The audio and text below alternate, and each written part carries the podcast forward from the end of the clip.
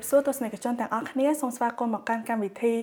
ការសន្ទនា podcast នៃគម្រោងជំនាញសិក្សានិងការងារដែលរៀបចំដោយសមាគមអតីតនិស្សិតអាហារូបករណ៍ Fulbright និងអាហារូបករណ៍សហរដ្ឋអាមេរិកឬហៅកាត់ថា FUSAC ចំពោះថ្ងៃនេះផ្ទាល់គឺកម្មវិធីយើងគឺទទួលបានការឧបត្ថម្ភដោយក្រុមហ៊ុន Smart Asita ហើយជារៀងរាល់ឆ្នាំគឺពីឆ្នាំមុនមុនគឺយើងធ្វើការប្រារព្ធនៅកម្មវិធី កម្មវិធីជំនាញការងារជំនាញការសិក្សានិងការងារនេះគឺនៅវិទ្យាស្ថានបច្ចេកបច្ចេកវិទ្យាកម្ពុជាឬយើងតែងតែហៅថាវិទ្យាស្ថាន Techno ប៉ុន្តែចំពោះឆ្នាំនេះវិញគឺយើងនឹងធ្វើការធ្វើកម្មវិធីនេះឡើងនៅតាមរយៈប្រព័ន្ធ Digital វិញដោយសារតែដើម្បីចង់ទប់ស្កាត់ពីជំងឺ Covid ដែលកំពុងតែរីករាលដាលនៅពេញពិភពលោកអញ្ចឹងចំពោះថ្ងៃនេះដែរគឺយើងនឹងចូលរួមជជែកពិភាក្សាគ្នាអំពីមុខជំនាញគីមីវិទ្យាដោយមានការចូលរួមពីវាគ្មិនកិត្តិយសរបស់យើងមួយរូបដែលសប្តាហ៍គាត់គឺជាសាស្ត្រាចារ្យគីមីវិទ្យានៅសាកលវិទ្យាល័យគរុកោសលរាជធានីភ្នំពេញអញ្ចឹងតោះពួកយើងទៅជួបជាមួយនឹងគាត់ទាំងអស់គ្នាជំរាបសួរអ្នកគ្រូជំរាបសួរអូនអចាអ្នកគ្រូអរគុណខ្លាំងមែនតើអ្នកគ្រូដែលបានផ្ដល់ជាកិត្តិយសចូលរួមនៅក្នុងកម្មវិធី សន្ទនា podcast នៅថ្ងៃនេះអញ្ចឹងជាបឋមខ្ញុំចង់សូមឲ្យអ្នកគ្រូជួយណែនាំខ្លួនទ្រុសទ្រោះជូនទៅដល់ទស្សនិកជនយើងទាំងអស់គ្នាដែរអ្នកគ្រូចានាងខ្ញុំឈ្មោះតាន់សុមារីដាចាសប្តាហ៍ថ្ងៃនាងខ្ញុំគឺជាគ្រូបង្រៀនគីមីវិទ្យានៅវិទ្យាស្ថានគ្រូកសារាជធានីភ្នំពេញហើយប្រវត្តិនៃការសិក្សាគឺនាងខ្ញុំបញ្ចប់ថ្នាក់បាក់ឌុបនៅឆ្នាំ2011ហើយបន្តនៅសាកលវិទ្យាល័យភូមិន្ទភ្នំពេញផ្នែកគីមីវិទ្យាបញ្ចប់នៅឆ្នាំ2015 ហើយក៏បន្តថ្នាក់បញ្ញាបត្រជាន់ខ្ពស់នៅឆ្នាំ2017អឺចាអ្នកគ្រូដោយដែលអ្នកគ្រូបានរៀបរាប់ខ្លះខ្លះហើយនៅក្នុងវីដេអូរបស់យើងគឺអ្នកគ្រូថាកតាដែលធ្វើឲ្យអ្នកគ្រូកតាវិជ្ជមានដែលធ្វើឲ្យអ្នកគ្រូចាប់យកនៅមុខជំនាញគីវីគីមីវិទ្យាមួយនេះគឺមានកត្តា3ត្រូវឲ្យអ្នកគ្រូគឺទី1គឺដោយសារតាកត្តាខ្លួនឯងផ្ទាល់ដែលអ្នកគ្រូឆ្លាញ់នៅមុខវិជ្ជាហ្នឹងហើយកត្តាទី2គឺដោយសារការឆ្ងល់របស់អ្នកគ្រូ ហើយចំពោះកត្តាចុងក្រោយវិញគឺដោយសារតែអ្នកគ្រូមើលឃើញឱកាសការងារច្រើនអញ្ចឹងភ្ជាប់ជាមួយនឹងសំណួរនោះខ្ញុំចង់សួរអ្នកគ្រូថាតើអ្នកគ្រូអាចធ្វើការរៀបរាប់ត្រួសត្រាសអំពីថាតើមានកត្តាអវិជ្ជមានដូចជាថាបញ្ហាគ្រួសារឬក៏បញ្ហាជុំវិញខ្លួនដទៃទៀតតើអ្នកគ្រូដែលរៀបរៀងអ្នកគ្រូនៅក្នុងការចាប់យកនៅចំណេញមួយហ្នឹងចាអរគុណអូនសម្រាប់កតាអវិជ្ជមាន គឺមាននៅអឺដំណាក់កាលហ្នឹងកតាអវិជ្ជមានដែលខ្ញុំសង្កេតឃើញធំបំផុតសម្រាប់វ័យហ្នឹង គឺមាន3សម្រាប់ខ្ញុំទី1កតាខ្លួនឯងកតាខ្លួនឯងហ្នឹងគឺអឺពេលហ្នឹងយើងមានជំរងចម្រាស់នៅខួរក្បាលរបស់យើងគឺយើងចង់ច្រើនមុខពេកអញ្ចឹងពេលហ្នឹងជាកតាអវិជ្ជមានមួយដែលពិបាកបំផុតក្នុងការធ្វើយើងសម្រេចចិត្តគឺការហ្នឹងគឺខ្ញុំចង់រៀនពេទ្យផងហើយនឹងមុខជំនាញគីមីនឹងផងហើយកត្តាមួយទៀតគឺមជ្ឈដ្ឋានជុំវិញមជ្ឈដ្ឋានជុំវិញហ្នឹងគឺវាកើតមាននៅពេលដែលយើងចាប់ផ្ដើមជ្រើសរើសយកមុខវិជ្ជាគីមី ចឹងនៅពេលដែលហ្នឹងមជ្ឈដ្ឋានជុំវិញគាត់តែងតែនិយាយថារៀនគីមីអត់ក្រៅអីពីធ្វើគ្រូទេប៉ុន្តែជាក់ស្ដែងយើងអត់យើងអត់ទាន់ចាប់អារម្មណ៍ថាវានឹងធ្វើគ្រូយើងគិតទៅលើចំណុចផ្សេងផ្សេងទៀតអញ្ចឹងវាមានសម្ពាធខ្លាំងដែរម្នាក់ម្នាក់តែងតែដាក់មកលើយើងថារៀនអាហ្នឹងធ្វើអីមិនទៅរៀនភាសាកូរ៉េឬក៏រៀនអីផ្សេងទៅដើម្បីរលុយអីអញ្ចឹងណាគេរលុយបានច្រើនរាប់រយគណនីគណអីអញ្ចឹងប៉ុន្តែអាពេលហ្នឹងវាជាសម្ពាធហើយកត្តាអវិជ្ជមានមួយទៀត ផងដែរហ្នឹងគឺផ្នែកភាសាអង់គ្លេសនៅពេលដែលយើងចូលរៀនមុខជំនាញគីមីគឺអវិជ្ជមានហ្នឹងគឺជាអវិជ្ជមានរបស់ខ្លួនឯងដែលខ្លួនឯងអត់ទាន់ផ្ដល់ឲ្យខ្លួនឯងបានណាអញ្ចឹងវាជាកត្តាមួយដែលរារាំងយើងដែរ ចាអរគុណច្រើនណាស់គ្រូចំពោះចម្លើយដ៏ក្បោះក្បាយសម្រាប់សំណួរមួយនេះចាណាគ្រូចូលដល់សំណួរបន្ទាប់ទៀតវារៀងស៊ីជម្រៅទៅលើមុខជំនាញផ្ដោតសំខាន់ទៅលើមុខជំនាញដែលអ្នកគ្រូកាន់វិញណាគ្រូចាណាគ្រូអាចជួយបង្ហាញថាតើមុខជំនាញគីមីវិទ្យានឹងវាមានលក្ខណៈដូចម្ដេចដែរអ្នកគ្រូហើយគេត្រូវសិក្សាអំពីអីខ្លះអីអញ្ចឹងណាអ្នកគ្រូចាបើសិនជាយើងនិយាយអំពីមុខវិជ្ជាគីមីវិទ្យាយើងហៅថាមុខវិជ្ជាហ្នឹងគឺជាមុខវិជ្ជាវិទ្យាសាស្ត្រហើយបើជានិយមន័យទូទៅរបស់គីមីវិទ្យាវិញ គឺគីមីវិទ្យាជាការសិក្សាអំពីរុក្ខធាតុហើយនិងបម្រែបម្រួលរបស់វាឬក៏គេនិយាយម្យ៉ាងទៀតថាគីមីហ្នឹងគេចាត់ទុកវាជាមជ្ឈមណ្ឌលវិទ្យាសាស្ត្រដោយសារតែគីមីវិទ្យាគឺជាមូលដ្ឋានគ្រឹះមួយ ដែលមានសារៈសំខាន់សម្រាប់មុខវិជ្ជាជីវៈរូបវិទ្យាភូមិសាស្ត្រអេកូឡូស៊ីហើយនិងជីវភាពរស់នៅប្រចាំថ្ងៃរបស់យើងដែលយើងហៅថាគីមីនិងជីវិតនឹងដែលរាល់ថ្ងៃយើងតែងតែប្រើប្រាស់របស់ទាំងនោះ ដូចជាកុំព្យូទ័រទូរស័ព្ទឬក៏អគ្គិសនីឬក៏ CD ផ្សេងផ្សេងហ្នឹងទៅហើយសម្រាប់មុខវិជ្ជាគីមីវិញគឺយើងមានច្រើន គឺមានគីមីទូទៅគីមីជីវៈគីមីសរីរាង្គអសរីរាង្គគីមីទឹក អញ្ចឹងទៅចាចុះអ្នកគ្រូការសិក្សាមុខជំនាញគីមីហ្នឹងនៅក្នុងថ្នាក់វិទ្យាល័យនៅក្នុងថ្នាក់មហាវិទ្យាល័យហ្នឹងអ្នកគ្រូវាមានភាពស្តៀងគ្នាឬក៏ខុសគ្នាទៅនឹងថ្នាក់វិទ្យាល័យអ្នកគ្រូបើយើងនិយាយទៅវាយើងអាចនិយាយថាវាមិន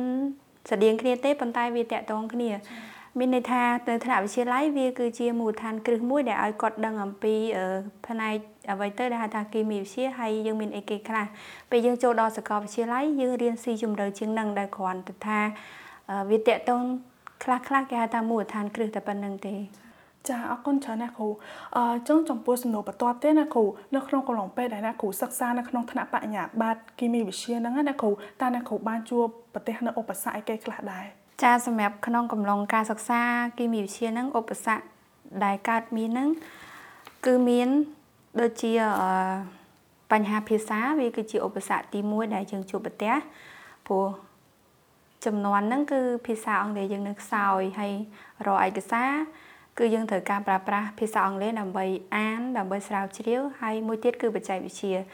ចំនួនហ្នឹងគឺបច្ចេកវិទ្យានៅខ្សោយមែនតែនយើងអត់តន់ស្គាល់ថាទូរស័ព្ទឬក៏កុំព្យូទ័រមានមុខរូបរាងមិនទេគឺយើងគ្រាន់តែទៅបណ្ណាល័យដើម្បីស្រាវជ្រាវអញ្ចឹងវានៅមានកម្រិតថាវាពិបាកព្រោះសភៅភាគច្រើនជាភាសាអង់គ្លេសហើយមួយទៀតគឺ បញ្ហាប្រឈមហ្នឹងគឺការសិក្សានៅទីក្រុងយើងត្រូវការចំណាយលុយអញ្ចឹងវាគឺជាឧបសគ្គមួយសម្រាប់យើងក្នុងការសិក្សាដែរចា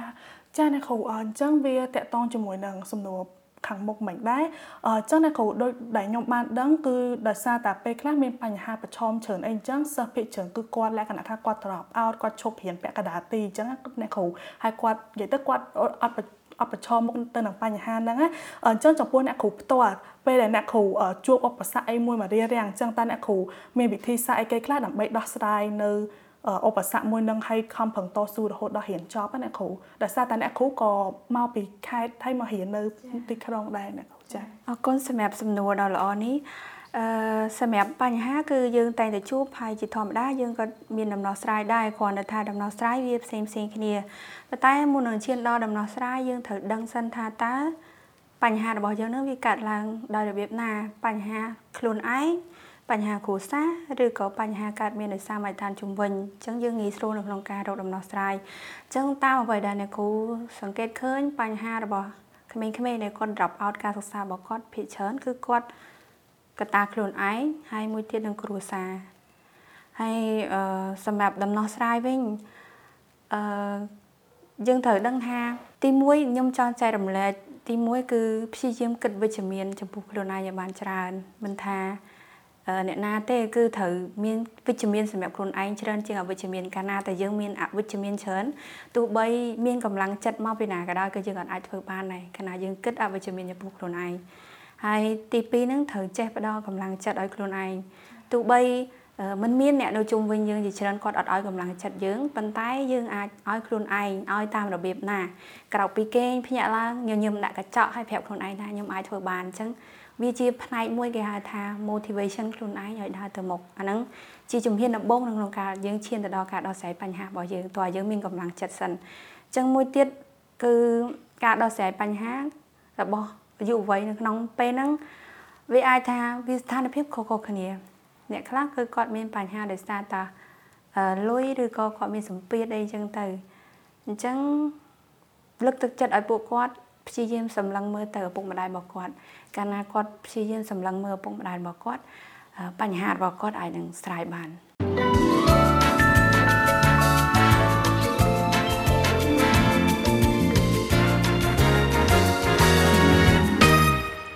អរគុណច្រើនណាស់គូចំពោះចម្លើយដ៏ inspiring ចឹងហើយសង្ឃឹមថាទស្សនិកជនបងប្អូននិស្សិតសិស្សដែលគាត់បានស្ដាប់ហើយគឺគាត់មាន motivation ខ្លះៗហើយចឹងណាគ្រូចូលដល់សំណួរបន្ទាប់ទៀតតើជំនាញផ្ទាល់ខ្លួនបែបណាខ្លះអ្នកគ្រូដែលអំណោយផលលើការសិក្សាមុខជំនាញគីមីវិទ្យានឹងឲ្យបានល្អអ្នកគ្រូចាដូចបានប្រាប់ខាងលើដែរដោយសារតើ ខ្ញុំគឺខ្សោយភាសាអង់គ្លេសកាលនៅពេលដែលយើងរៀនគីមីអញ្ចឹងណាអញ្ចឹងជំនាញដែលខ្ញុំអាចធ្វើបានហើយអភិវឌ្ឍខ្លួនបានគឺទី1យើងព្យាយាម take note នៅពេលដែលគ្រូបញ្យល់យើងព្យាយាម take note ឲ្យបានច្រើនតាមដែលអាចធ្វើបានកុំមើលសម្លឹងមើលទៅសិស្សដែលបកែអញ្ចឹងណាសិស្សបកែគេស្ដាប់តែគ្រូហើយប៉ុន្តែយើងកុំភ្លេច take note ហើយព្យាយាមអានព្យាយាមមើលព្យាយាមបន្ទិញរំលឹកអ្វីដែលរៀនហើយអញ្ចឹងអាហ្នឹងជាអ្វីដែលខ្ញុំព្យាយាមធ្វើកន្លងមករហូតដល់មកដល់ពេលនេះ ចាអរគុណច្រើនណាគ្រូអឺចឹងណាគ្រូអាចជួយអឺ suggest នៅសាកលវិទ្យាល័យខ្លះៗដែលគេមាន involve នៅមុខជំនាញមួយហ្នឹងណាគ្រូឲ្យសិស្សានុសិស្សគាត់បានដឹងសម្រាប់មុខវិជ្ជាគីមីគឺបច្ចុប្បន្នយើងមានច្រើនមែនទែនសម្រាប់សាលាដែលគាត់បើកបង្រៀនបើសិនជាយើងអត់ចង់មកទីក្រុងភ្នំពេញទេយើងអាចរៀននៅតាមសាលាដែលសាកលវិទ្យាល័យគេបង្កើតមានសាកលវិទ្យាល័យ Western CUI ឬក៏ Camera បើសិនជាយើងចង់មកទីក្រុងភ្នំពេញយើងក៏មានសាកលវិទ្យាល័យនឹងដូចគ្នាប៉ុន្តែពិសេសហ្នឹងគឺសាកលវិទ្យាល័យភូមិន្ទភ្នំពេញដែលយើងអាចរៀនឯកទេសគីមីវិទ្យាហើយបើគីមីជីវៈឬក៏អឺគេហៅថាគីមីចំណីអាហារយើងអាចរៀននៅភូមិន្ទសាកលវិទ្យាល័យភូមិន្ទភ្នំពេញបានដូចគ្នាឬក៏សាលាតិចណូឬក៏សាលា IU ពួកគាត់គឺមានចំណេញឯកទេសនឹងដូចគ្នាផងដែរ ចាអរគុណណាគ្រូអឺចឹងចំពោះសំណួរបន្ទាប់វិញវារៀងសំខាន់ដែរណាគ្រូដោយសារប្រហែលជាសិស្សានុសិស្សគាត់ពីចង្គាត់ចង់ដឹងហើយអឺអ្នកគ្រូតើអ្នកគ្រូមានដឹងអាហារូបករណ៍ណាមួយដែលអ្នកគ្រូស្គាល់ឬក៏ចង់ណែនាំអត់អ្នកគ្រូចាសម្រាប់បើនិយាយពីអាហារូបករណ៍គឺមានច្រើនប៉ុន្តែជាទូទៅព័ត៌មានដែលគេផ្សព្វផ្សាយទាក់ទងនឹងអាហារូបករណ៍ធំទូលាយជាងគេគឺ page របស់ក្រសួងអប់រំអញ្ចឹងបងប្អូនទាំងអស់គ្នាអាច ចូលទៅកាន់ page របស់ក្រសួងអប់រំហើយយើងធ្វើការ follow see first ទៅរាល់ព័ត៌មានតាក់ទងទៅនឹងអាហារូបករណ៍ពួកគាត់នឹងតម្លាក់ចូលមកហើយចាអរគុណច្រើនណាស់គ្រូអញ្ចឹងខ្ញុំសូមបកទៅខាងមុខដើមវិញតិចអញ្ចឹងដោយដែលអ្នកគ្រូបានមានប្រសាសន៍អញ្ចឹងក្នុងនាមអ្នកគ្រូគឺជាអឺគឺជាអ្នកគ្រូសាស្ត្រាចារ្យគីមីវិទ្យាមួយរូបអញ្ចឹងអ្នកគ្រូអាចជួយប្រាប់ថាតើអ្នកគ្រូធ្វើអីគេខ្លះជាប្រចាំថ្ងៃអ្នកគ្រូព្រោះខ្ញុំឮថាអ្នកគ្រូមានចុះខេតចុះអីទៀតត្រូវអ្នកគ្រូចា អឺកាលពីមុនកាលយើងនៅជាគ្រូវិទ្យាល័យធម្មតាយើងរៀងមានការងារស្ម័គ្រចិត្តច្រើនអញ្ចឹងណាដល់ពេលឥឡូវការងារប្រចាំថ្ងៃរបស់ខ្ញុំគឺយើងធ្វើទៅតាមកាលវិភាគប្រចាំថ្ងៃរបស់យើងដែលយើងធ្វើការអញ្ចឹងណាអញ្ចឹងជួនកាលពេលខ្លះយើងចុះទៅខេត្តហើយយើងចុះនៅក្នុងលើកនេះវាជាការបរៀននៅតាមរបស់ក្រសួងដែលផែនការរបស់គាត់ឲ្យយើងចុះទៅបង្រៀនឬក៏រៀនហើយខ្លះទៀតគឺយើង work ការងារជាមួយនឹងអង្គការចុះ ទៅតាមផ្សេងផ្សេងអញ្ចឹងទៅដូចពីមុនអញ្ចឹងខ្ញុំសហការជាមួយ VSO អញ្ចឹងយើងទៅធ្វើការមួយពួកគាត់ជាមួយនឹងក្មេងៗមានកម្រងតកតទៅនឹងសម្រាមអីអញ្ចឹងទៅអ ចាអរគុណច្រើនណាស់គ្រូអញ្ចឹងអអ្នកគ្រូពេលនៅក្នុងថ្នាក់មហាវិទ្យាល័យហ្នឹងអ្នកគ្រូជួបមានបញ្ហាឧបសគ្គអីម្ដងហើយអញ្ចឹងពេលនៅពេលចូលយើងចូលធ្វើការវិញម្ដងនេះទៀតអញ្ចឹងវាមានឧបសគ្គអីទៀតផ្សេងទៀតអត់អ្នកគ្រូឬក៏វាមានលក្ខណៈស្តៀងគ្នាដោយតាឧបសគ្គនៅថ្នាក់មហាវិទ្យាល័យដដែលអ្នកគ្រូសម្រាប់ឧបសគ្គខ្លះវារៀងដូចស្តៀងគ្នាដែរតែខ្លះក៏វាថ្មីដែរធម្មតានៅពេលដែលយើងចូលធ្វើការបរិបត្តិការងារវាខុសពីការសិក្សាអញ្ចឹងវាជា ចំណុចប្លែកមួយដែលយើងត្រូវសម្របខ្លួនវាមិនមានអីពិបាកទេ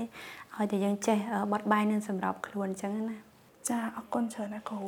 អឺចឹងណាគ្រូចូលដល់សំណួរចុងក្រោយណាគ្រូដែលសារតែពេលវេលាយើងមានកំណត់អឺចឹងណាគ្រូមានជាពាក្យពេចន៍ឬក៏ណែនាំពាក្យណែនាំអីជូនទៅកាន់បងប្អូនក៏ដូចជាសិស្សានុសិស្សចំនួនក្រោយដែលគាត់កំពុងតែមានបំណងចង់ចាប់យកមុខជំនាញគីមីវិទ្យាមួយហ្នឹងនៅក្នុងថ្នាក់ឧត្តមសិក្សាអត់ណាគ្រូចាមាន គឺចង់លើកទឹកចិត្តពួកគាត់ថា មិនថាតែមុខវិជ្ជាគីមីទេឲ្យតែមុខវិជ្ជាវិទ្យាសាស្ត្រអឺអ្នកគ្រូលើកទឹកចិត្តឲ្យបងប្អូនធ្វើការរៀនព្រោះវាជាមុខវិជ្ជាមួយដែលមានឱកាសការងារទូលំទូលាយមែនទែនសម្រាប់ប្រទេសកម្ពុជារបស់យើងដែលកំពុងតែត្រូវការធនធានយ៉ាងច្រើននៅផ្នែកវិទ្យាសាស្ត្រនឹងហើយអឺមួយទៀតហ្នឹងគឺចង់ដាស់តឿនទៅកាន់បងប្អូនថាអឺ កុំទុនតូជាមួយនឹងស្ថានភាពបច្ចុប្បន្នត្រូវសម្លឹងមើលទៅមុខហើយនឹងព្យាយាមឲ្យអស់លទ្ធភាពតាមដែលយើងអាចធ្វើបានហើយកុំភ្លេចលើកទឹកចិត្តខ្លួនឯងចាអញ្ចឹងត្រូវយើងត្រូវចេះលើកទឹកចិត្តខ្លួនឯងហើយត្រូវមានភាពរឹងមាំអញ្ចឹងបានយើងអាចសម្រេចនៅចាគោលដៅរបស់យើងបានចាណាគ្រូ អរគុណអ្នកគ្រូដែលបានចំណាយពេលវេលាចូលរួមនៅក្នុងការធ្វើបទសម្ភាសន៍ podcast របស់យើងនៅថ្ងៃនេះហើយក៏អត់ភ្លេចដែរគឺសូមអរគុណដល់ទស្សនិកជនក៏ដូចជាបងប្អូនសិស្សានុសិស្សដែលគាត់បានចំណាយពេលវេលាស្ដាប់នៅ podcast មួយនេះហើយពួកយើងទាំងអស់គ្នាក៏សង្ឃឹមថាពេលដែលពិភាក្សាមួយអ្នកគ្រូហើយអ្នកគ្រូបានផ្ដល់នៅចម្លើយដ៏ក្បោះក្បាយអស់នឹងហើយវាអាចជាស្ពានក៏ដូចជាអា ចជាជំនួយដល់ពួកគាត់នៅក្នុងការពិចារណានៅក្នុងការជ្រើសរើសយកមុខជំនាញដើម្បីទៅសិក្សាអ្នកគ្រូអញ្ចឹងជាចុងបញ្ចប់នាងខ្ញុំសូមអរគុណហើយក៏សូមជម្រាបលា ចាជម្រាបលា